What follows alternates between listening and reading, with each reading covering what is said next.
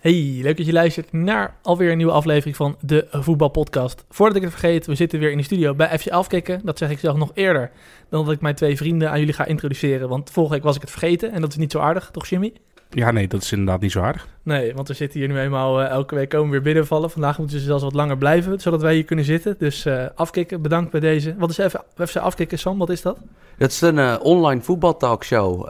te vinden op het YouTube-kanaal en op de website van Fox Sports elke dinsdag en elke vrijdag wordt er dan twee, twee tot drie uur gewoon echt heerlijk gepraat over voetbal. Met veel uh, experts aan het woord, ex-spelers. Ik, ik, heb twee weken geleden gekeken. Dat was onwijs leuk met Andries Jonker en Alex Pastoor. Afgelopen vrijdag heb ik gezeten. Uh, toen zat Sam Planting daar. Oh ja, toen had ik even wat anders te doen. Ja, ze zoeken vooral bijgoochems uit. Nee, nee, nee, dat is gekkigheid. Maar jij was vrijdag Sam gast? Ja, ja, zeker. Ik was er met uh, Barry Powell en uh, Ben O'Neill, de trainer van de Ajax Vrouwen. Het was leuk.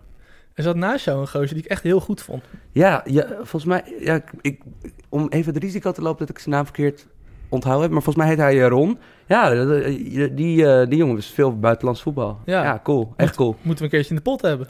Ja, nou ja, ik bedoel, ik, ik ben vervangbaar. Hè? Nee, je bent onvervangbaar. Ah, daar vist ik naar. Ja, ja dat weet ik. Goed verhaal dit. Uh, heel goed verhaal. We gaan gewoon lekker beginnen over het voetbal. Lijkt me wel. En uh, jongens, wat is de afstand tussen PSV en Ajax toch groot, hè? Oké, okay, dus zullen het volgende onderwerp maar gaan doen? ja.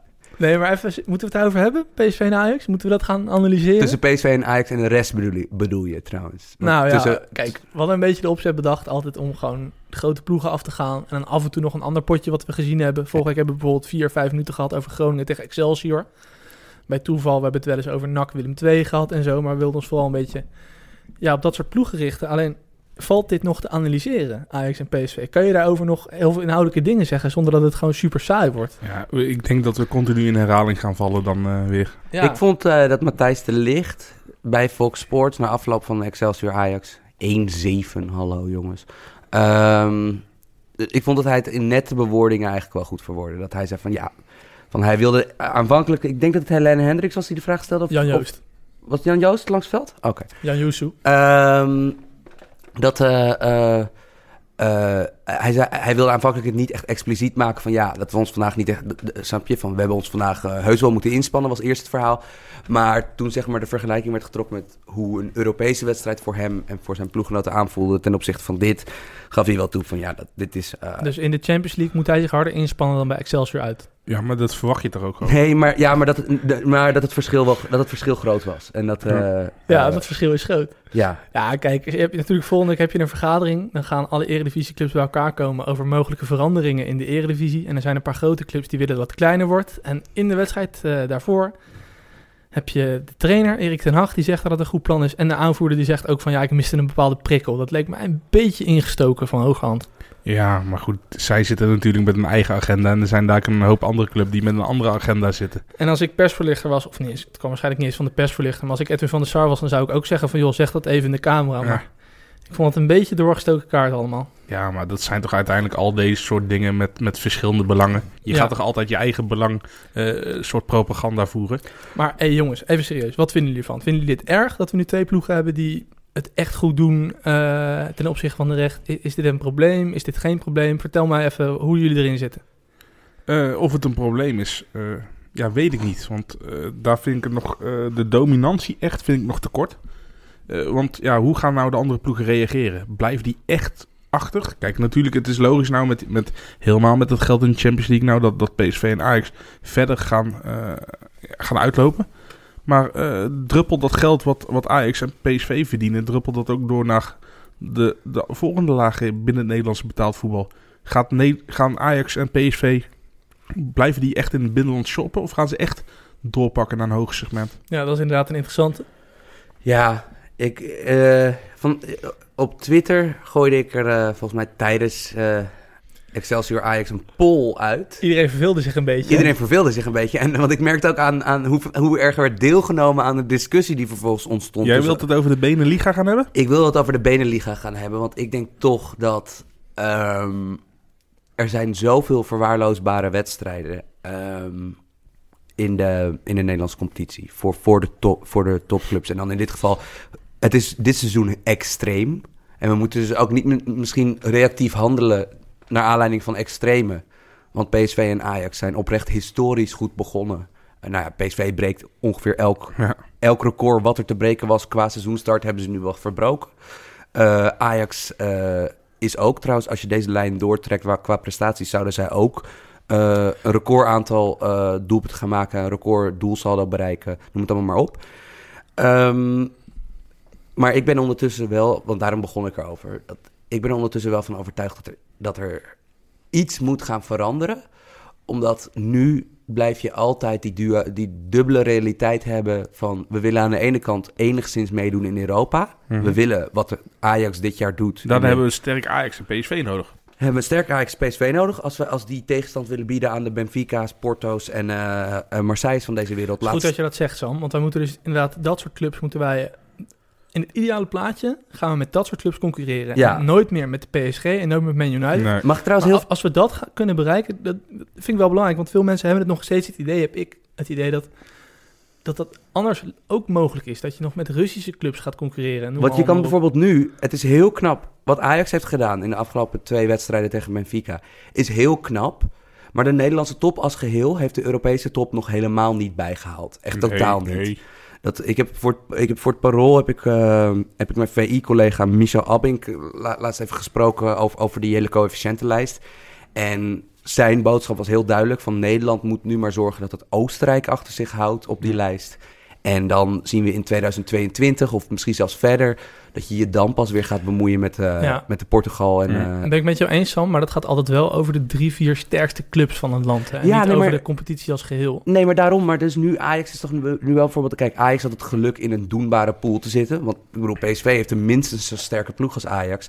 Maar die hebben gewoon de pech dat die in een klassieke Champions League pool terechtkomen. Met drie Nou, ploegen waar je sterker, niks... sterker dan een klassieke Champions League pool. Ja, Als je het zou omdraaien, sluit ik niet uit dat Ajax onderaan had gestaan in die pool en dat PSV op de grens van doorstaan. nee, dat dat is eigenlijk precies wat ik wilde zeggen. Maar ik denk dus wel dat we ondertussen... Kijk, het, het rampscenario is het volgende. En dat de Schotse competitie. En dan moeten we wel even nog de Schotse competitie met Celtic en Rangers. Ja, want. Rangers hebben het zelf ook een beetje... eh, Ja, want natuurlijk toen Celtic, die, die vier, vijf jaar dat Celtic alleen eh, in, die, in die competitie zat, terwijl Rangers zoveel competities was teruggezet, dat was natuurlijk eh, echt niet te doen. Toen keek zelfs Sam Blanting er niet naar. Nee, maar kijk, ik denk dat natuurlijk is een club als Feyenoord 10, 20, 30 keer groter dan een club als Aberdeen of zo, de derde club in Schotland. Ja. Aan de andere kant, het gat tussen Feyenoord en andere ploegen is financieel ook weer heel groot. En Nou ja, nu Feyenoord Champions League heeft gespeeld dan niet qua omzet. Maar Ja, dus wat ik wilde doen is het vandaag een beetje met jullie over de Beneliga hebben. Maar ik vind het dan wel belangrijk dat we van tevoren een beetje afkaderen wat die Beneliga dan is. Ja, maar mag ik nog heel even wel iets zeggen van iedereen...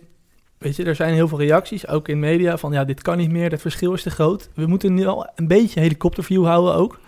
Ehm, twee jaar geleden heeft PSV Champions League gespeeld, hebben ze het goed gedaan. Hebben ze qua Champions League geld meer verdiend dan de hele omzet van AZ in een jaar. De vierde club van Nederland. Je ziet in heel eh, Europa, omdat er in de Champions League heel veel geld wordt verdiend, dat er in heel veel landen heel vaak dezelfde kampioen is. Of heel veel nou- scheefgroei eh, gebeurt of het nou Dynamo Zagreb is, of het nou, ehm, weet je wel, Basel is dan nu net weer niet Nee. kampioen geworden, is net doorbroken. In al die Oostblokclubjes, eh Uh, Bate Borisov. Bate Wit- Borisov, in Griekenland, weet je. De scheefgroei is mede daarom zo groot. Nou, dat hebben wij in Nederland ook. Dat geef ik net aan. Ajax en PSV verdienen veel geld. Het eh, verschil wordt steeds groter. Ik denk zelf dat mede het rechterrijtje in de eredivisie zo slecht is dit jaar. En ik zal niet zeggen minder goed of zo, maar echt gewoon slecht. Er zitten echt gewoon een paar minder goede ploegen tussen dit jaar. Zei ik het toch, minder goed. Maar omdat er gewoon een paar hele grote clubs ook gedegradeerd zijn. En zolang er in Nederland een geval is dat geld voor een groot deel de, de ranglijst bepaalt. Want wij zeggen altijd van ja, er is niet heel veel visie en heel veel clubs proberen hetzelfde en noem allemaal maar op. Zolang dat het geval is, zal geld nog steeds voor een heel groot deel eh, de ranglijst afslaan. Maar, maar zijn- die clubs gedegradeerd puur door pech dan, of niet? Of Ja, wat- of wat- was het want- echt gewoon ook Nee, omdat het want, slecht was? want Erik, weet je wat ik grappig vind? Ik, de gedachtegang die je hiervoor gebruikt klopt eigenlijk wel. Mhm. Maar het strookt helemaal niet met de, met de... Snap je, de theorie erachter klopt, maar de praktijk sluit niet aan op deze theorie. Want deze clubs waren kennelijk slecht genoeg om eruit te flikkeren in de Eredivisie. Ja. Dus dan betekent dat hun begroting, die dan relatief groter is dan de clubs die er nu zijn en bijgekomen. met de Graafschap. Fortuna. Ja, van, dat die grotere begroting, die stuurde dus niet het algehele niveau omhoog. Nee, klopt. Maar goed, als er dan in de zomer weer geld komt, wat meer geld is dan bij Emmen, meer geld dan de Graafschap, weet je wel, dan kunnen Maar ze toch weer voetballers halen. Is dat ook zo? Ja, want zijn het inderdaad ook clubs wiens financiële situatie in, in een stijgende lijn zijn? Roda, Nou, dat Twente. bedoel je. NEC. Nee, maar, daarom klopt hebben toch een hogere helemaal. begroting. Dan geven ze toch meer uit. Ja, maar, ze- Nee, maar die begroting ook- is dalende. Ook, ook, ook, maar die is en- nog steeds hoger dan bij Emmen, Fortuna en de Graafschap. Ja, maar ook, ook meer kosten natuurlijk. En waaraan gaan die kosten? Gaan, gaan dat alleen naar spelers? Nou, ik weet Of- dat het spelerswit van NEC in de Jupiler League vorig jaar dat dat echt navenant was. Dat was gewoon eh, bovenkant rechterrijtje eredivisie. Van Twente weten we dat ook nog, want die hebben langlopende contracten die ze nog moesten afbetalen. Kijk, dat die gedegradeerd zijn met jongens als ACID en zo, ja, dat kan gewoon eigenlijk niet. Maar snap je wat ik bedoel? Maar even, Dus ik, ik, nee, voordat we over die Beneliga gaan praten, ja, er is nu een enorme scheefgroei aan de hand. Maar we moeten ook niet doen alsof we dat op kunnen lossen. ja, maar leg, even dan, leg even aan ons, want ik zie Jimmy even vragend kijken als ik, en aan de luisteraars. Leg dan even uit hoe het feit dat Twente met een begroting van 27 miljoen werkt, Ja. dus, eh, ik noem hypothetische bedragen, eh, en Emmen met een begroting van 4,5 miljoen. Wat heeft dat voor invloed op het algehele niveau van Nou, de competitie? betere faciliteiten, betere jeugdopleiding. Nee, nee, maar wat op. heeft dat? Nee, dat zijn interne argumenten voor die Ja, club zelf. Zodat ze een beter elftal op kunnen stellen, Sam. Ja, maar dat hebben ze dus. Ja, maar, Nee, ja, ja, ze maar zijn daar, daar, loop, gedegradeerd, daar, ja. loop je, daar loop je theoretisch Maar dat is dan toch ook scheef. incidenteel, of niet? Dat is dan toch niet over de lange Nou, ik termijn? vind, degraderen, ik vind degraderen niet in- incidenteel. Maar je kan in principe binnen Nederland kan je ook niet structureel degraderen. Nee, dat is. Nee, en, ook, en precies, dat allereerst. En daarnaast vind ik, als jij de vijfde begroting hebt van Nederland, wat Twente had. Ja, maar begroting is niet hetzelfde als spelersbudgetten. Nou, oké, maar ze, hebben ook, ze waren ook qua budget altijd Mhm. top 6. Nooit onderuit de top 6 geweest. Als jij dan degradeert, is dat niet meer een incident. Dan is er dus... Nee, Dus, de, dus ik begrijp wel ergens Maar je punt van... Eigenlijk zeg jij van als je een competitie zou organiseren met zes clubs, met Twente, NEC, Roda, Emmen, de Graafschap en Fortuna, dan zouden Emmen, de Graafschap en Fortuna als bovenste drie eindigen. Dat zeg je eigenlijk. Nee, dat, dat hoeft niet per se. Want nou ga je ook Dat is precies... een heel rare gedachtesprong. Nee, want jij hebt het puur over de kwaliteit van de teams. En als ik dan die zes teams op elkaar zet, dan zouden dus de ploegen die nu in de Eredivisie spelen altijd bovenaan eindigen. Nee, inderdaad. L- Oké, laat, ik laat, ik, laat ik het zo zeggen. Het, het verschil tussen kwaliteit van de twee ploegen is minder dan het bedrag waar ze mee... Ja. Dat denk ik ook. En er, maar op de daarnaast, lange termijn, want daar begon ik mee. Als je dus wel heel veel clubs met visie zou hebben, dan zou je dat kunnen ontwikkelen. ja, nee, Snap je? Vind ik, vind, vind ik, Snap je waar ik vandaan kom? Ja, maar, maar visie is altijd wel vrij makkelijk te zeggen. Ja. Ja. Kom op. Oké, Want kijk- trainers aanstellen die niet Ja. 4-3 spelen Maar en via wat de we- backs opstellen. Ik zal een kijkje geven voor de eh, inkijkje achter de schermen voor de luisteraars. Geven van, we gaan vandaag het over de Beneliga hebben en we zullen vaker in, in week, snap je, om beetje, snap je, de inhoud van de podcast variëren. We zullen vaker een beetje van deze de grote discussies aanpakken en nou, bijvoorbeeld de ons kent ons cultuur en, en hoe, eh, ik weet niet meer hoe Pieter het in de Val van Oranje noemde, het trainerskartel. En het oud-profskartel. Het Dus zeg maar dat iemand als Hedwiges Maduro niet meteen assistent van Jong Oranje moet ja, worden. en daar het gaan, we, daar, gaan, daar gaan we het heus ook wel een keer over hebben. En ook inderdaad, jij snee ook eigenlijk al een heel interessant vlak aan over hoe die Champions League, die royale Champions League inkomsten, eh, landelijke competities juist heel eenzijdig maken. Maar laten we vandaag even kijken naar de Beneliga. En ik heb al toegegeven aan welke kant ik sta. Ik geloof dat dit een goed idee is. En voordat ik jullie, voordat ik jullie eh, mening hierover wil horen, zal ik even voor de luisteraars en voor jullie even uitleggen wat mijn voorstel is. Mijn, uit, mijn voorstel is het volgende. Ehm, we hebben een competitie. We beginnen een competitie van 16 clubs. Onderhandelbaar naar 18. Eh, snap je? Dus je zou of een, een seizoen krijgen met 30 wedstrijden of met 34 wedstrijden. In het begin is dat heel simpel. Eh, de top 8 van de Eredivisie en top 8 van de Jupiler Pro League, de Belgische competitie, plaatsen zich. O- Op basis van het seizoen daarvoor? Zeg maar voor het begin of op basis van meerdere seizoenen? Dat, zou dan, dat is de eerste, dat is het eerste heel, heel goede inter, in- inter, eh, of, Interventie? Nee, dat is ook al het woord niet. Interruptie. Interruptie, Jim. Ehm, dat, zou, dat zou het eerste struikelblok zijn. Ehm, even de realiteit van hoe dat eruit zou zien. Dit zou dus een competitie zijn van 16 clubs. Dat, we, hebben, we hebben even dat, ter eenvoudiging hebben, hebben we dat aantal gekozen. Dit zou een competitie zijn waarin je veel meer spannende wedstrijden hebt. Want je hebt dan een competitie met, nou, noem- laten we de usual suspects uit Nederland noemen. Eh, Ajax, PSV, Feyenoord, AZ, Utrecht. Eh, Vitesse. Vitesse en dan nog een achtste club. Dat zou bijvoorbeeld Heracles zijn. Ja. Of, of eh, Of eventueel Groningen, Heerenveen. precies, Zwolle. noem ze allemaal maar op. En eh, bij België zouden we in elk geval Club Brugge, Anderlecht Standaard en Genk hebben. en Gent. Ja, Die vijf, ook die vijf sowieso. En dan nog drie andere.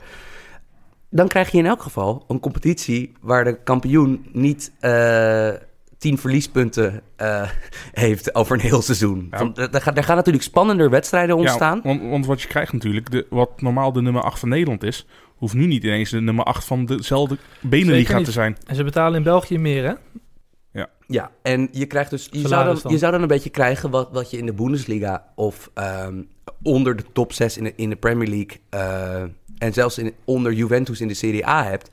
Is dat clubs, snap je, als, een, als, als stel eh, eh, Feyenoord wordt een seizoen voor de derde keer op rij derde. Die variatie ga je nu veel meer krijgen. Van je kan nu niet meer, als jij slecht beleid voert, Ja. zal dit veel harder worden afgestraft. Omdat simpelweg je tegenstanders van week tot week Ja. sterker worden. Ja, want de standaard die kan dan makkelijk over, over als voorbeeld over Feyenoord heen als derde club, zeg maar. Maar, zo. maar voordat ik deze, dit idee weer ga verdedigen, nog heel veel een paar andere spelregels. Dit zou dus betekenen dat in de Nederlandse competitie dat er tien eredivisieclubs maar liefst buiten de boot vallen. En in België een, ook, ook een groot aantal relatief grote clubs met grote fanscharen, met veel historie. Clubs die gewend zijn om, te- om wekelijks tegen Ajax of PSV, of eh, snap je, tweemaal per seizoen Ja. tegen Ajax PSV te spelen of tegen Anderlecht en Club Brugge. Ehm, die clubs zouden dan samen, zouden in mijn ogen dan weer samengevoegd worden tot een. Of zouden dus niet samengevoegd worden. Dat zouden dus landelijke competities worden. Dat zou dus betekenen dat wij in Nederland opeens een aanlokkelijker eerste divisie krijgen. Want een eerste divisie waar zeg maar Groningen, Heerenveen en Willem II en NAC om de titel, eh, en, en, eh, om de titel meedoen, is het simpelweg ja, Ja. is een aantrekkelijker Dat competitie. Dat gaat stormlopen in die stadions. Oké, de clubs zelf, eh, de clubs die buiten de boot zullen vallen, zullen inderdaad in het begin, eh, ja, zullen in het begin woedend zijn. Aan de andere kant, er zijn twee argumenten. Zij kunt toch ook promoveren? Er zijn een paar argumenten te maken. Zij kunnen promoveren naar een aanzienlijk belangrijkere competitie dan de Eredivisie of de Jupiler Pro League nu is.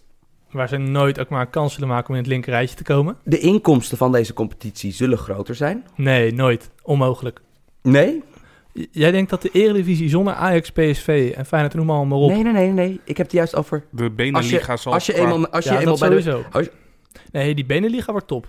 Als Nee. die er komt, ga ik elke week hier met jullie daarover praten. Precies. Die Nee, wordt maar dus, leuk. dus de beloning van Nee, die promotie... Beneliga wordt top. Ja, die, maar die belo- beloning van promotie... die kan je ook dan inderdaad nog als, snap je, als vooruitzicht hebben op de toekomst. En ook, en dit is een argument wat best wel eh, taboe is... op de een of andere manier in voetbal. Maar de ene week, zeg maar... Als, de, als je, je bent de graafschap, bijvoorbeeld. En in de Eredivisie speel je 34 wedstrijden. In 22 van die wedstrijden daarvan heb je helemaal niks te zoeken. Echt helemaal niks. Word je weggespeeld. Als de graafschap degradeert naar de Maar de Jupiler Graafschap League... wordt toch niet tegen de nummer 10 weggespeeld? Nee, nee, nee, nee, maar luister even. Als de graafschap nu degradeert naar de keukenkampioen-divisie... Ja, maar je ze doet op- alsof er in 22 wedstrijden alsof ze geen kans hebben. Maar als zij nu tegen de nummer 11 spelen, is het niet dat ze van het veld geblazen worden. Nou, aan de andere kant, de graafschap zal dit seizoen van de 34 Ja. wedstrijden... zullen ze er minimaal 23 gaan verliezen. Ja, maar als je verliest ben je niet altijd kansloos. Oké, fair enough. Dat geef ik je. Maar de graafschap, als die in de keukenkampioen-divisie... als die weer degraderen dit seizoen, wat er dik in zit... dan zullen zij volgend jaar weer een van de favorieten zijn in de keukenkampioensdivisie. En dan ben je, snap je, opeens in wedstrijden... ben jij het bovenliggende team en heb jij de favoriete rol. Dit zou dus ook gebeuren bij clubs die nu eigenlijk permanent... rondom de twaalfde plek in de Eredivisie bungelen. Van die zouden dan opeens in titelracen eh, eh, betrokken raken. En dat is op zich best wel een pleister op de wond die het achterlaat... als jij niet in de Eredivisie speelt. Van als jij voortaan dus nu, als jij een grote speler kan worden in die eerste divisie, van dan heb je opeens dus wel, ja, heb je wel weer een winnend team. En winnen trekt ook weer aardige spelers Maar, aan. maar ik, ik kan je helemaal volgen met dit idee, Sam. En ik zal je daar eh, mijn mening erover geven. Maar wat doe je met, eh, hoe doe je degradatieregeling vanuit één competitie? Eh, pak je de laagst geplaatste Nederlandse ploeg en de laagst geplaatste Belgische ploeg? Dit is het idee. Want ik vind dus wel, van ondanks dat dit een, een fusie zou worden, dit is een fusie van twee voetbalculturen. Want ik bedoel, laten we heel eerlijk zijn. Hier aan tafel hebben wij drie voetbalgekken, maar wij drie kijken ook niet wekelijks de Jupiler Pro League in België. Ehm, evenals de gemiddelde voetbalgek in België ook niet elke week de wedstrijden van Ajax, PSV of Feyenoord zit te kijken. Terwijl het wel gewoon leuke wedstrijden zijn. Als ik dan heel incidenteel kijk naar Club Brugge of zo, het zijn gewoon leuke potten. Zeker. Ik bedoel, het- je zou bijna denken dat het, eh, dat het land 200 kilometer verderop ligt. Hoe zou ik de degradatie aanpakken? Als volgt. Het is een fusiecompetitie, maar ik vind wel dat enigszins marktwerking toch nog moet blijven werken. Van, het zou een beetje absurd zijn als het slechtste Nederlandse team in de, Beneliga, als die elfde eindigen en er dan alsnog uit moeten. Eh, er zouden twee clubs direct degraderen. Eh, uit de Beneliga elk jaar. Dus Want- ongeacht of het twee Belgische of twee Nederlandse of Ongeacht. Ongeacht. En waarom moeten er sowieso twee clubs direct degraderen? Omdat ik wel vind dat de kampioen van die nieuwe eerste divisie in Nederland en die nieuwe eerste divisie in België, ik vind wel een kampioen verdient rechtstreekse promotie. Dan zou je bijvoorbeeld de plek 14 en 13 en 14 in de Beneliga, die zou je in een playoff systeem kunnen gooien met de nummers 2 tot en met 5 in die andere twee competities. En kijk, het is dan wel heel simpel. Als we dan na een tijdje een Beneliga hebben met 10 of 11 Nederlandse clubs of 10 of 11 Belgische clubs, ja, dan heeft, snap je, de sterkste heeft gewonnen dan. Ja, dat was inderdaad mijn vraag. Hoe ga je dat oplossen? Want, want als dat zo is, dan stel voor over... Hij wordt nu ingevoerd, jouw plan. Over zes jaar heb je alleen nog maar Belgische, Belgische teams erin. Nou ja, En dat, nee, en dat sluit ik niet uit. Als Nee, je in de VI leest waar die Oké. technische directeuren allemaal over klagen. Maar- dat België echt heel veel salaris betaalt. Maar dat niet alleen. Maar dan krijg je en een Beneliga die voor de Nederlanders niet meer interessant is. Plus je krijgt een competitie. Want die competitie, zeg maar de, de, de keukenkampioen-divisie, die wordt dan veel groter. Want dan zijn er meer eh, Nederlandse ploegen gedegradeerd dan dat er weer zijn gepromoveerd. Dus je krijgt weer een heel scheefgroei qua competitie. Precies. Je, je krijgt 40, 40 teams. En, eh, Maar al deze, kijk, al deze hypothetische dingen die jij opnoemt, zijn allemaal redelijk geweldig. Ik bedoel, het feit dat wij dus voortaan dan ook enorm moeten routen dat Heracles een degradatiestrijd wint van, van Charleroi en, en Mechelen. krijg je gewoon een Nederland-België Ja, maar, strijd. ja, maar dat, is toch, dat is toch sowieso... En daarnaast bijvoorbeeld in de... Elke week Europees voetbal. Nou ja, nee, maar het is inderdaad wel zo dat er, zet- er zijn wel echt, er komen nieuwe implicaties bij. Behalve dat een titel veel waardevoller wordt. Van het feit dat je nu als PSV bijvoorbeeld in deze Beneliga kampioen wordt. Dat, ze- dat dat betekent dat ze Ajax, Feyenoord, Club Brugge, Anderlecht en Genk, eh, snap je?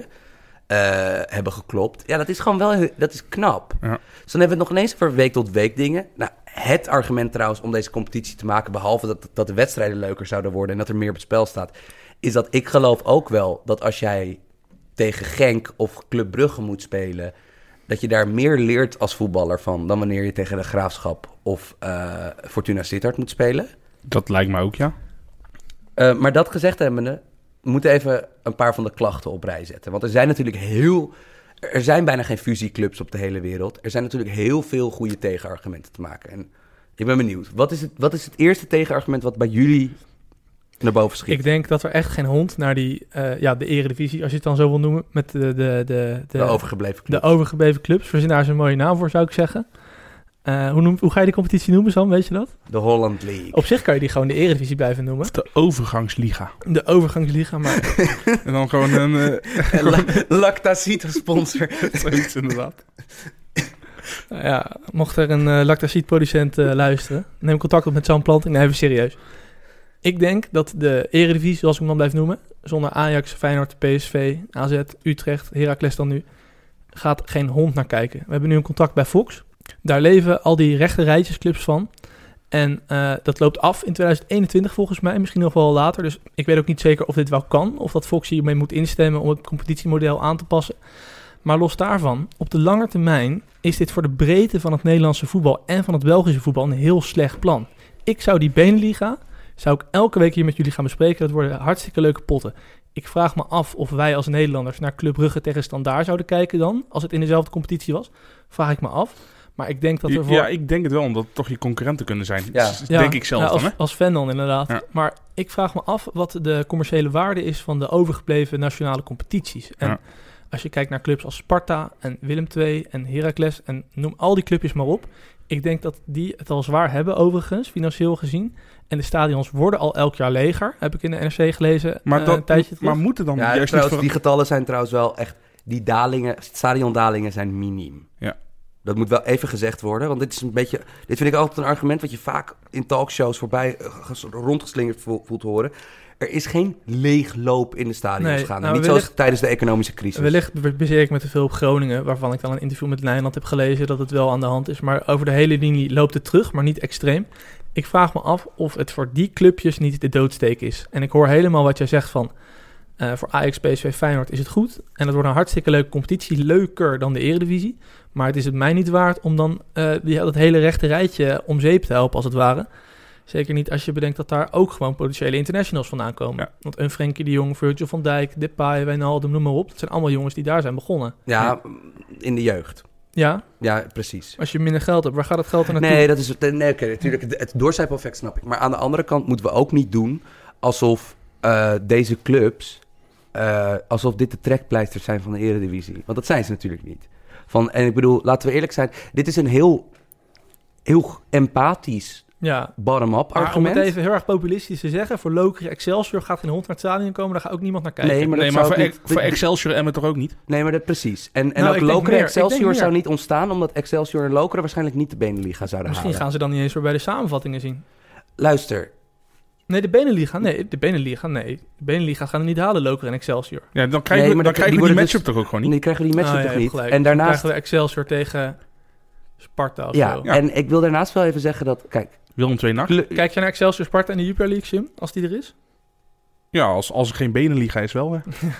Groningen, uh, even heel hard gezegd. Groningen-NAC trekt fans van Groningen en NAC. En wij kijken daar soms naar. Oké, maar Voetbal wij zijn volgens mij niet de meest representatieve. Nee, klopt. Ik hoor wat Oké. je zegt. Groningen en NAC trekt fa- trekken fans van Groningen en NAC. Ik denk dat hetzelfde geldt voor Oostende. Maar die zitten wel bij de samenvattingen van Studio Sport. Snap Ja. je wat ik bedoel? Ja. En dat is ook weer eh, iets wat ze kunnen vermarkten. Naar de sponsors toe kunnen ze Eredivisie vermarkten. Snap je Ja. wat ik bedoel? Nee, absoluut. Nee, nee, nee, zeker. Dat zou financieel inderdaad... Kijk, je zou het financieel veel risicovoller maken. Want het is dus... De, Beneli de Beneliga levert, zou, zal qua tv-gelden, qua prijzen gelden... qua meedoen aan potentiële Europese competities... zal een veel lucratiever onderneming worden... dan de Eredivisie of de eh, Jupiler Pro League nu Eh, eh, zijn. Het is voor die clubs in het onderste segment is een high risk, high reward. Precies. Want het is daar high risk, high reward. Want het is nu wel very zo... much risk, very much reward, but very much risk. Ja, maar aan Heel de, veel. en aan de andere kant, kijk, het is wel heel simpel dat je krijgt dan wel weer in elk geval een eerste. Wat in de eerste divisie is natuurlijk ook een scheiding gaande nu. Je hebt een paar re- relatief grote clubs daar rondhangen. Sparta, Met grote Roda, begrotingen. NEC. Grote begroting heb ik me laten vertellen. En we hebben ook daar belofte teams eh, rondhangen. Waar, eh, als ik eh, de vinger aan de pols van voetballand Nederland hou, waar niet iedereen even blij mee is. Bijna niemand. Oké. Ik vind dat tof hoor. Ja, nee, maar, maar de publieke opinie is toch wel dat, dat eigenlijk de belofte eruit moet. Ja. En Wat ik kan begrijpen. Maar ja ik, ja, ik zie het iets anders. Maar En eh, ik denk dus wel weer dat dit voor die clubs, als je het nou hebt over de breedte van het voetbal, voor de Sparta's en de, eh, en de NEC zou dit weer de redding zijn. Want er zou dus weer, er zou, er zou dus van de, de top van de eerste divisie zou moeten doorstromen naar die competitie waar dan het rechte rijtje van de eredivisie eh, nu in zou spelen. Waar niemand naar gaat kijken. Laten Maar ik ga je wel, even- niet laat- schrikken, laten- niet schrikken. Ik ga je helpen. Ik ga je helpen, Sam. Niet schrikken. Ik heb een vriend die is voor NEC. Die zei dat hij het jaar dat ze kampioen werden in de Jupiler League, een paar jaar terug, dat hij dat veel leuker vond dan als ze rechterrijtje Eredivisie speelden. en want ze je, je 14e speelt ergens op. Je dus speelt ergens. Ik heb je wel een beetje geholpen nog. En ik wil daarnaast het nu even, want heel veel van de reacties die wij kregen waren gezien vanuit Ja, fan-oogpunt. wat heel begrijpelijk is, want het zijn ook fans. Het zijn ook fans. fans de, meeste, de meeste voetbalfans zijn gewoon fan van een club. En, En daarna uiteindelijk is het van voetbal ook voor de fans natuurlijk. Het is volgens mij een publieksport. Ja, Dus en een alleen maar voor de fans. Dus nou ja, ik denk dat we de fans van grote clubs in Nederland... en dat is toch wel ook wel het merendeel van de voetbalpodcastluisteraars... ondanks een paar boze recensies hier en daar... ehm, Ah, Feyenoord is ook een grote club, toch? oh ja, sorry, sorry. Le- bijvoorbeeld- lees onze recensies, jongens. Ja, maar ik denk dat het voor de gemiddelde Ajax, PSV of Feyenoord-fan... eh, dat dit natuurlijk gewoon betekent dat je een leukere competitie krijgt voorgeschoten. ja ik, ik, ik, ik weet het niet, Ik weet man. niet, hoor. Want, want voetbal, is wat ik in mijn mensjes zag op Twitter... voetbal drijft heel erg op sentiment. En ik verzin ze niet al deze vrienden. Ik heb ook nog een vriend die gaat naar elke uitwedstrijd van Ajax. Als die straks naar, eh, naar eh, Zuid-België moet voor een Ja, potje. Ja, maar dat vind ik een Maar dat vind, non-argument. dat vind ik bullshit, want kijk, kijk, kijk Nederland en België bij elkaar, hoe groot is dat? En, en kijk naar, naar Frankrijk, kijk naar Spanje. Die gasten moeten Ja. verder reizen voor een in uitwedstrijd. Spanje heb je nauwelijks die uitcultuur. Ja, oké. Maar Mede en- daarom Engeland. Als Ja. jij eh, als Bochum-fan in de Tweede Bundesliga, als jij naar. Ingolstadt uit wil, Ja, of naar Cottbus. Ja. nou, dan, ben je, dan ben, je, ben je drie keer de afstand Ah, kwijt ik die, Nederland en België tezamen zijn, Ik hoor. denk over het algemeen dat er met uitsupporters in Nederland niet heel veel rekening wordt gehouden. Dus laten we ze maar een beetje aan de kant schuiven wat dit betreft. En het locatieargument achterwege laten. Nee, maar ook, ook het sentiment. En ik snap dat heel erg, want voetbal drijft op sentiment, maar eigenlijk altijd op, op je eigen sentiment.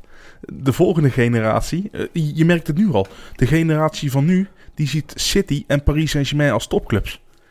Hoe ik ben opgegroeid, ik heb Manchester City nog in de, in de second division eh met gezien Gerard met Gerard. Wiekens, ja. Ja, Dus eh, het is ook maar net in welk tijdsbesef je opgroeit. Ja, ik vind dit echt een, zoals wel Jimmy wel vaker kan doen, in, in eigenlijk in twee of drie zinnen naar de kern van een hele discussie komen. Ik vind dit zo belangrijk altijd om te, om, te- om te onthouden. Dat sentimenten je eigen, ja, je persoonlijke ja. sentimenten. Dat zijn meestal korte termijnsargumenten. Heel vaak zoveel... Kijk, er bestaat zoiets als voortschrijdend inzicht. En het eerste wat altijd sneuvelt bij voortschrijdend inzicht... is meestal het sentiment van het heden. Eh, En sorry als dit allemaal een beetje theoretisch klinkt en wat dan ook. Ja, kijk, we Maar zitten nu toch is- een beetje op de filosofische kant. Nee, dus maar ga het is, gewoon lekker precies. los. Maar het is dus heel vaak van die... eh, Oké, om het nog botter te stellen... gevoelsargumenten zijn eigenlijk altijd heel makkelijk door te prikken. Als je even over de lange termijn nadenkt... en bijvoorbeeld, nou, in dit geval, waar hebben we het hier over? We hebben het hier over van hoe creëren we in Nederland en België een voetbalcompetitie... waarmee we Nou, in nee, Europa een we hebben- beetje... we hebben het over hoe creëren we in Nederland een competitie om dat te doen. Jij wil graag België erbij betrekken. ja, maar het nee, maar... ja, het probleem wat we willen oplossen is dat we in Nederland geen goede vaderlandscompetitie Nee, we hebben. hebben geen goede vaderlandse competitie. We, zijn, we tellen, ondanks de pos- het positieve jaar wat Ajax nu heeft... ondanks die Europa League run van Ajax een paar jaar geleden... ondanks dat PSV een keer een leuk Champions League eh, tripje had in de afgelopen jaren... is het de afgelopen tien jaar is het zorgwekkend mis aan het gaan. Van we tellen gewoon in Europa... gewoon in de, in de Europese competities tellen we gewoon eigenlijk niet meer echt mee. Ja, het probleem zit hem natuurlijk ook dat Ajax en PSV halen wel de punten, maar hebben vorig jaar een uitzonderlijk slecht jaar gehad. En de rest eromheen haalt geen punten. nee, want precies. Want dat, kijk, daar gaat het uiteindelijk Dat is allemaal toch om. het hè. hele Dat- verhaal, jongens. Hoe je- Vitesse en AZ, of, of als Groningen een keer de beker wint, of als Heracles dat een keer gaat doen, van hoe die clubs altijd in Europa echt keihard erop gaan. Ja, is- al, al is het soms ook wel bijvoorbeeld in Utrecht met de Zenit. Het is, eh, qua loting is het ook niet af en toe nee, maar je gaat natuurlijk je gaat sterke ploegen Ja, loten, Jim. ja, absoluut. da- daarom zijn het Europese competities. Van je gaat Sporting Braga loten, of, of noem het allemaal Ja. maar op. En het feit dat we dan pas zien dat onze competitie gewoon in vergelijking met andere competities, waar wij nog vijf of tien jaar geleden van dachten dat wij gelijkwaardig waren. Misschien een keertje geen 4-3 spelen met mandekking op eigen Ja, helft. maar even Jim, eh, Erik, niet de discussie elke keer weer. Ja, maar ja, dat is toch het hele verhaal, jongens. We kunnen wel elke keer zeggen... Is het alleen tactiek? Nou, vaak wel. En inderdaad gewoon eh, fysiek missen we wat. Ontegenzeggelijk Dus- dus- techniek Dus als, zo, dus als we gewoon Ik vind, anders... deze, ik vind het een beetje dat de discussie dan weer wel heel breed Ja, wordt. maar we het- zitten in het filosofische Ja, uurtje. maar, het- maar, maar het metapunt wat er toch gemaakt moet worden is... Je kan, op dat, je kan niet gaan zeggen dat over de laatste tien jaar dat het heel goed ging met het Nederlands Nee, het ging heel slecht. En Een paar EK'tjes, W-kaartjes gemist. ja, Speelden we ook 4-3 trouwens. Ja. en ehm, daar moet iets tegen gebeuren. Omdat het is heel simpel. We hebben een voorbeeld van hoe het kan zijn. Hoe je als vo- voetbalcompetitie kan zijn... Welk als de top en de, en, de, en de rest te ver uit elkaar groeit. Dat is de Schotse competitie. En Ja. dat is er eentje die wij altijd gebruiken om uit te Ja. lachen. Alleen begint dat nou ook niet bijvoorbeeld met Frankrijk te worden? Nou ja, dat is, dat Paris is kijk, dat is, dat is meer die Champions League discussie van, van, Ja, en van Erik. maar- Daar heb je ook gewoon een, een, een land uit het Midden-Oosten... eh, dat er gewoon zomaar even Ja. 200 miljoen in gooit. Ja, als dat hier bij Utrecht zou gebeuren... Maar jongens, om het even over een andere boeg te gooien. Want ik, ik kan jou helemaal volgen met de Beneliga. En ik ben er niet op tegen. Ik ben, er ook, ik, ik ben nog een beetje de zwevende kiezer, zeg maar. Maar Erik, ben jij eigenlijk voor of tegen? Uiteindelijk? Ik wil graag eh, cijfers zien van de financiële ben, je, ben je voor of tegen? Ben je voor of tegen? Ik ben op dit moment tegen, maar Ja. zodra Sam mij een rapport onder de neus duwt met cijfers, dat de nationale competitie eh, goed bezocht zal worden en dat er goede financiële prognoses zijn, zou ik zomaar opeens voor kunnen zijn. En als ik jou nu onder schot hou, zou jij behalve vragen waarom ik jou onder schot hou om zo'n theoretische discussie, wat zou jouw antwoord zijn, Jim, als Beneliga? Eh, ik denk, Hey, jij bent geen chemie. ik denk ik. dat Jimmy jou makkelijk omver krijgt, ook al sta je met een gun op zijn hoofd. Nee, maar ik, ik, dan ben ik wel voor. Maar ik redeneer dan ook uit eh, de metavisie van een topclub. Dus dat is ook wel even iets anders natuurlijk. Eh, was ik eh Groningen supporter geweest, had ik wellicht anders geantwoord. Dus het is niet helemaal fair om... Ik denk dat dat voor ons allemaal Ja. hier geldt, En- trouwens. En wat ik dan denk is, eh, kijk, voetbal kan heel slecht tegen veranderingen. Geleidelijk invoeren. Waarom dan niet eerst een soort bekercompetitie be- beginnen? Zodat er nog geen competitie aan vastzit als in degraderen En of dit zo. vind ik een uitstek. Er waren een paar andere mensen ook die inderdaad ook dit, erin gooiden. En dit zou in elk geval een uitstekend opstapje vormen. En zou een ander probleem, wat in Nederland en België geldt, ook De oplossen. beker krijgt weer een Ja, dat men een shit gaat Ja. geven om die, om die fucking beker. Ja. Nou ja, goed, PEC en Groningen toen die hem wonnen, zat het wel gewoon vol, toch? Ja, maar dat vind ik dan weer, dat, dat vind ik post facto resultaatsdenken. Kijk, kijk, Want, eh, kijk PSV tegen RKC. Ja, en kijk even, kijk even in de derde ronde oké, van de beker hoe de stadions zitten gevuld, joh. Nee, ook, bij de, ook bij de, bij, bij de clubs uit het middensegment. Dus bij er zit Loke niemand. Excelsior gaat het vol zitten. Nee, maar ik denk wel dat bijvoorbeeld, ik denk dat wel vanaf de achtste finale, wat dan ook, dat als je bij de laatste 16 van deze beker zit, ja, dat, ik denk dat het bij Ajax Standaard of bij Feyenoord Genk, dat het wel redelijk... eh, en, en de kans zit. dat je een goede ploeg loodt is natuurlijk ook veel sneller al. Omdat er natuurlijk gewoon meer, meer goede ploeg aan mee gaan doen. Ja, maar je ziet wel door heel Europa dat de beker wel vaak wordt gebruikt om jongens rust te geven en, en reservekeepers in het goal te zetten en noem maar op. Dus ik ben benieuwd hoe dat zou werken. Maar goed, ik ben daar niet tegen, jongens. En, en om er zelfs nog een stapje verder te maken, waarom alleen bij de buren kijken? Waarom niet bij onze concurrenten een soort blok vormen? Waarom niet Celtic erbij betrekken, FC Basel, eh, Red Bull Salzburg erbij betrekken? Ja, ik ben erbij. Ja, maar dat is dus... Kijk, het- de- ik ben er ook bij, maar dan moet er wel een valide reden zijn... Van, je moet dan wel natuurlijk een soort van objectieve reden kunnen verzinnen... waarom we zeg maar dan een soort van eigen Europa League gaan oprichten... met de, non, met de niet-poen-competities. Ja. Van, ja oké, we Goed- vinden goed- jullie goed cool. punt, goed punt. Van, we vinden Oostenrijk cool. We vinden de Zweedse competitie mag meedoen. Ja. Portugal, nee. we vinden die sterk. handelshuizen vinden we raar en we vinden jullie te sterk. Dus ik ben Ah, helemaal voor dit plan, maar dan moeten we wel even een bullshit reden verzinnen waarmee we dit kunnen verkopen aan de rest van de wereld. Dus laten het voornamelijk even op België en Nederland inderdaad richten. Je hebt helemaal gelijk, Sam. Je hebt me overtuigd. Maar ik ben wel voor, voor, een, voor een gemengde beker. Nou, mooi. Zijn we eruit dan? Ja, voor, voor nu. Ja, joh. To kijk, be continued. ik, eh, En even over de, daad, om even de stap terug te maken naar de realiteit. Over de daadwerkelijke vernieuwingspunten die op het programma staan voor de, bij de KNVB. Ja, volgende week donderdag is er een vergadering. Eh, het is al heel mooi de veranderagenda genoemd. Geen idee wie dat, eh, wie dat zo gespind heeft, maar dat komt eraan. Dat impliceert dat er dus echt veranderingen gaan komen. Ja, en dan komt, gaat het dus over zaken als gaan we van 18 naar 16 clubs in de eredivisie. Hm. Gaan we met of zonder kunstgras Kunst- door? Gaan we televisiegeld anders verdelen? Ja.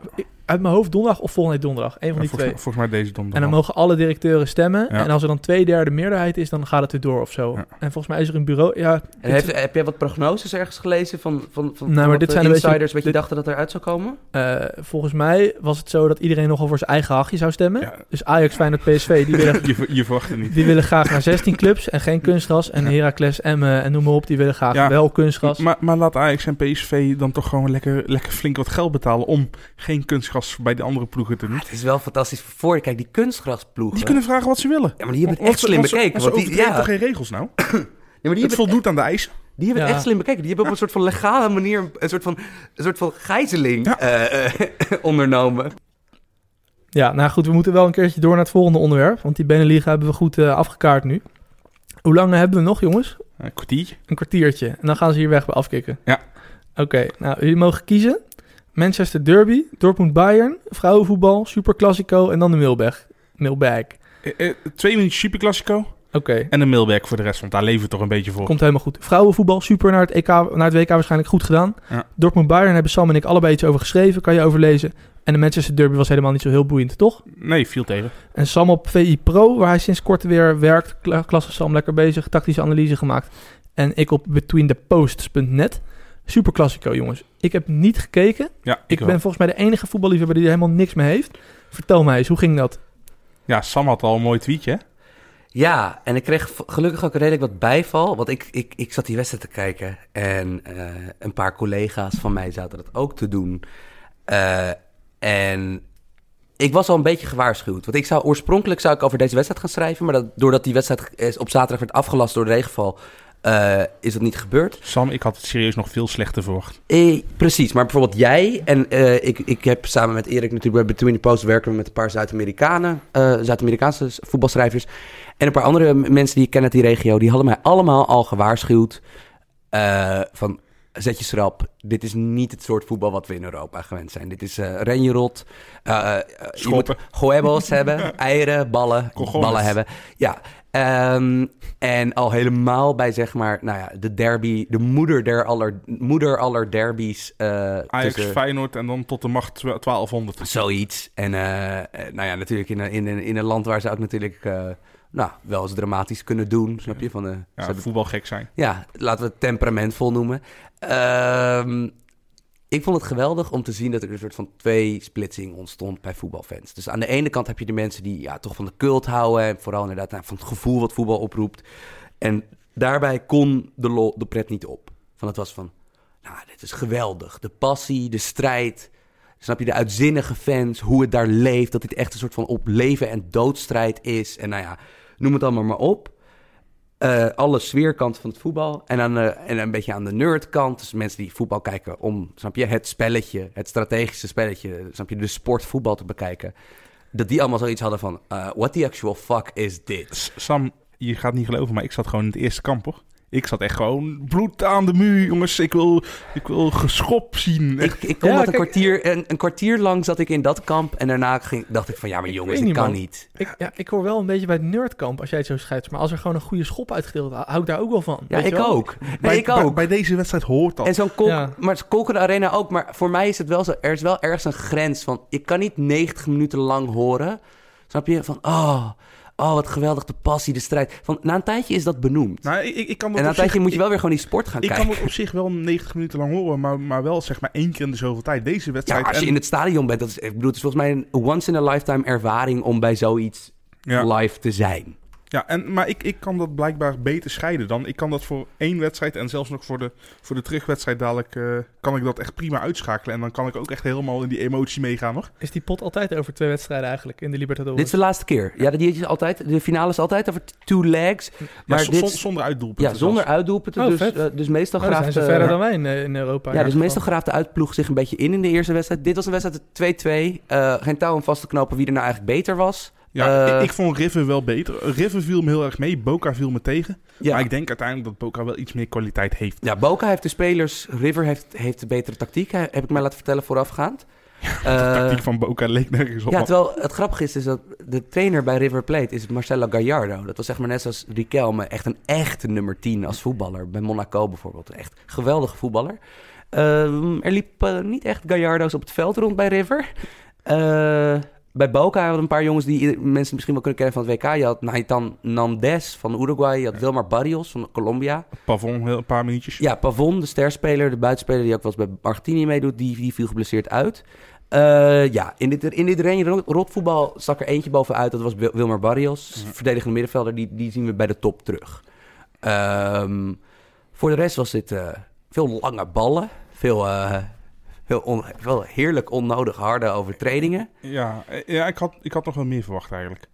Ik vond het inderdaad ook nog wel qua bloed aan de paal nog Ja. enigszins meevallen. Misschien de tweede wedstrijd zou het nog kunnen. Kijken jullie vaak Zuid-Amerikaans eigenlijk, normaal gesproken of niet? Niet meer zoveel als vroeger. Vroeger keek ik dat wel echt.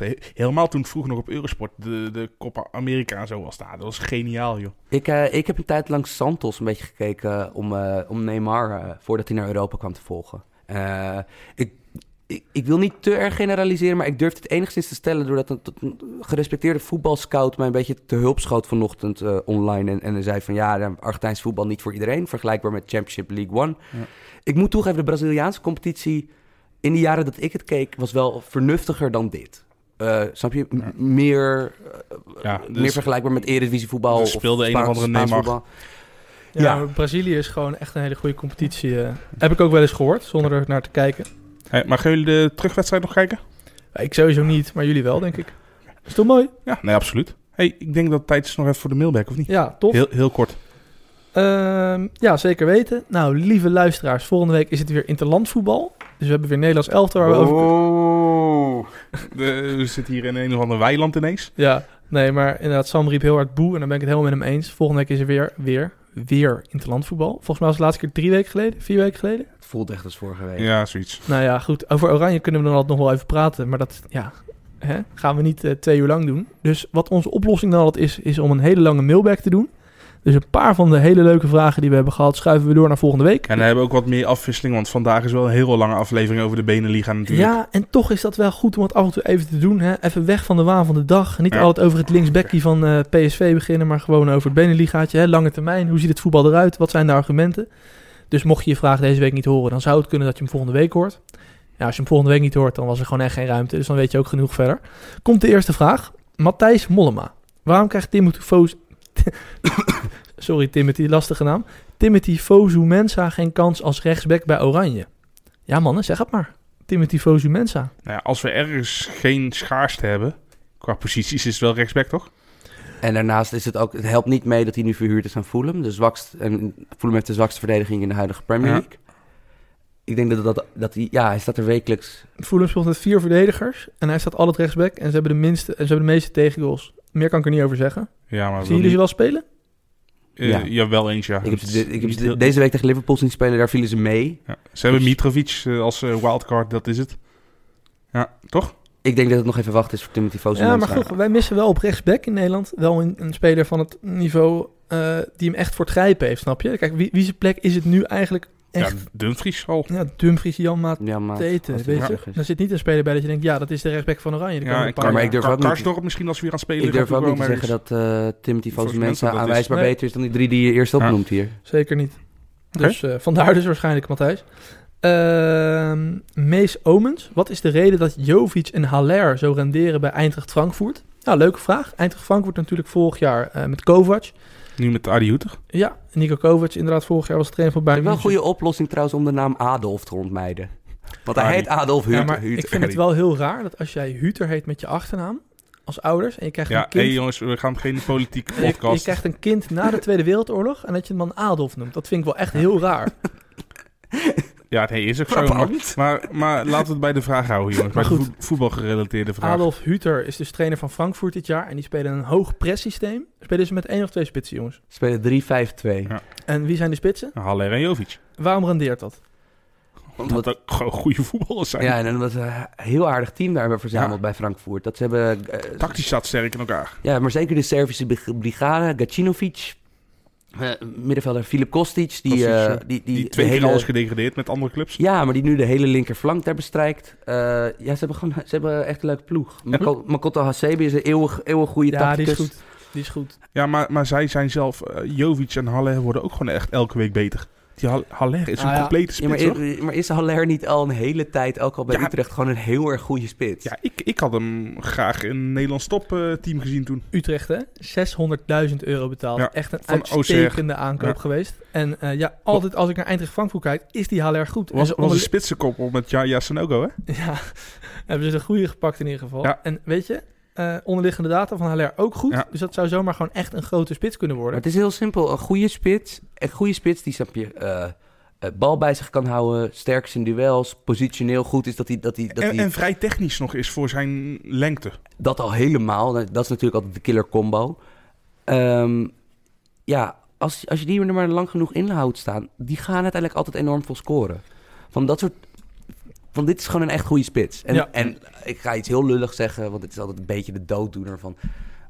Ik zou hem graag in de Premier League willen zien. Ja, Newcastle schijnt geïnteresseerd te zijn en zelfs Tottenham. Maar ja, hoe... Liever, ik, ik zie Newcastle Iets- moet je niet doen. iets ertussenin. Kerkhoff, Want ik, ja. wil hem niet, ik wil hem niet als backup zien bij Tottenham. Ja. Maar Newcastle is natuurlijk een treurige club. Ja, is Ja. gewoon een spitsenkerkhof natuurlijk. Volgende vraag is van Thijs Faber. Thijs heeft een Groningen podcast. Eh, nu is Hans Nijland ontslagen. Of tenminste, hij neemt nee, afscheid. hij neemt afscheid, Hij neemt ja. afscheid. Hij is niet ontslagen, Dat jongens. is het voordeel van voorzitter zijn. Hè? Dat je...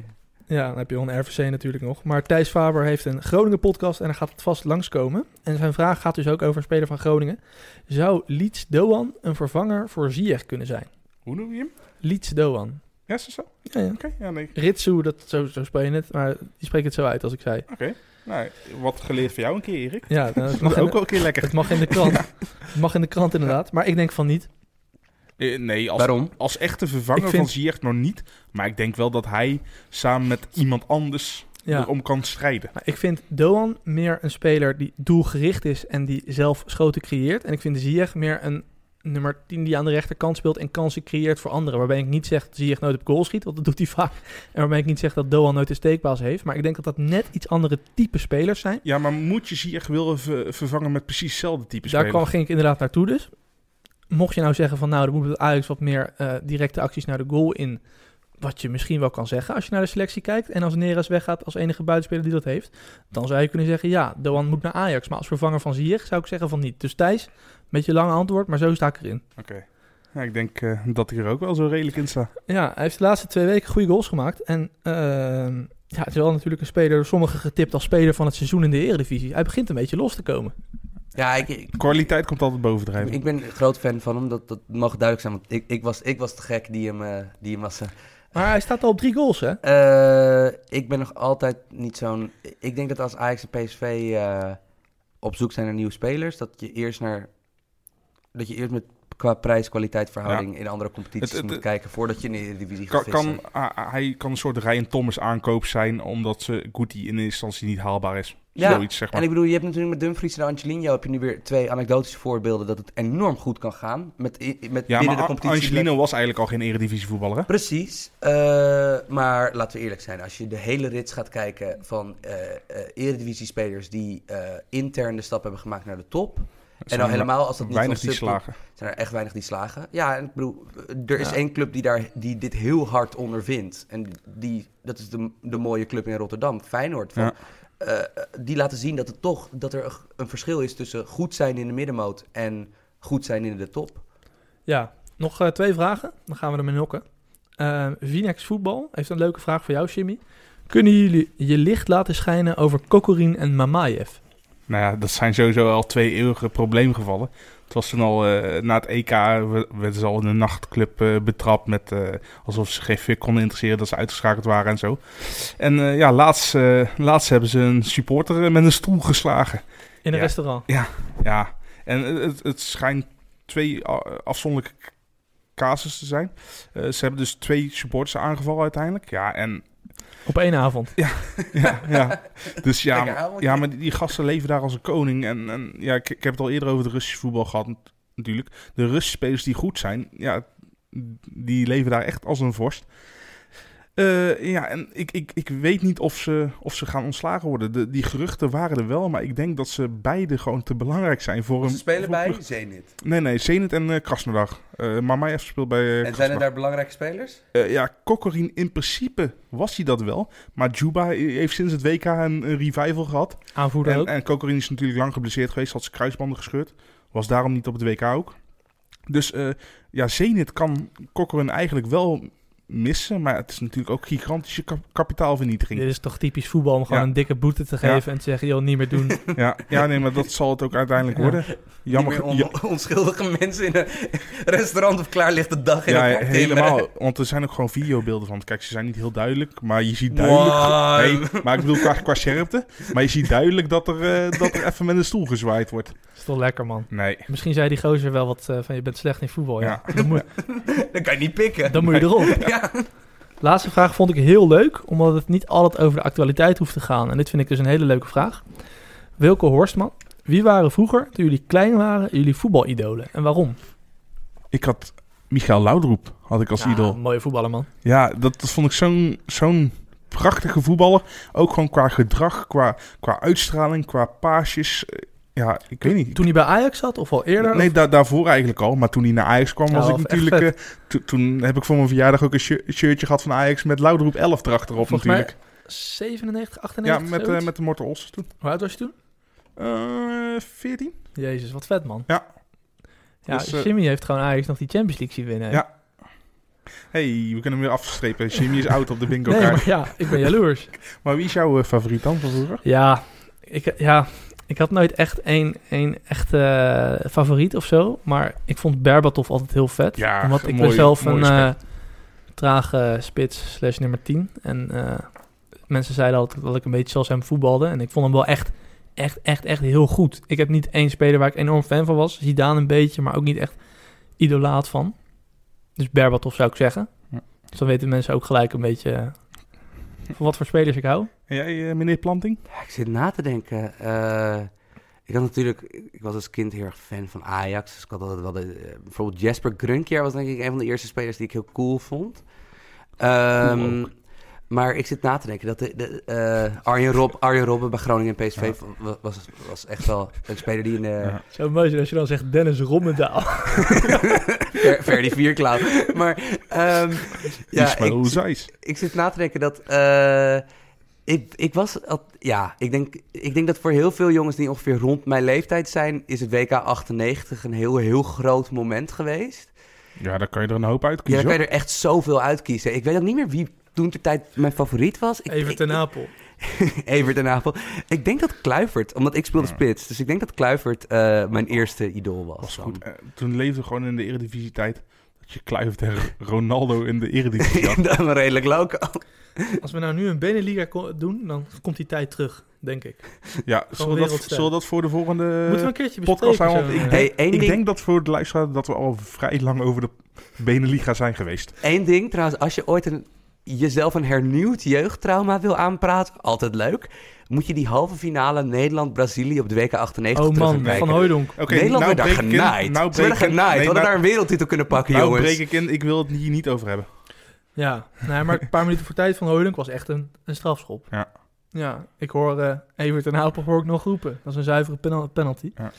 Eh, dankjewel voor de vragen weer, mannen. Volgende week weer interlandvoetbal. Nou, gaan we weer Oranje bespreken. Nederland speelt tegen Frankrijk en tegen Duitsland. Nou, niet de minste potten, denk ik zomaar. Nee, maar voornamelijk gaan we de mailback bespreken. Ja, mailback, er zijn nog wat vragen blijven liggen. Waarschijnlijk komen er altijd weer vragen binnen, want dat vinden we hartstikke tof. Kan je doen naar de voetbalpodcast.gmail.com. Eén iemand die dit luistert krijgt nog een mailtje van mij. Eh, deze week die heeft ons gemaild, uitgebreid over iets. Daar ga ik nog op antwoorden, doe ik vanavond. Of morgen. Of overmorgen, maar ik ga, je krijgt een mailtje van me. Oeh, cryptisch. En ehm, Twitter zijn we te bereiken. Of natuurlijk gewoon DM'en. Doe alles eh, hoe je ons kan bereiken. En stuur die vragen in. Want anders hebben wij volgende week geen idee waar we het over moeten hebben. Want de Beneliga is wel even afgestreept qua onderwerp. FC Afkikken, bedankt weer voor de studio. En eh, we zien jullie volgende week. Dankjewel. Shout-out Shinji Ono. Shout-out Fred Grim. Shout-out German Mono Burgos. Vamos!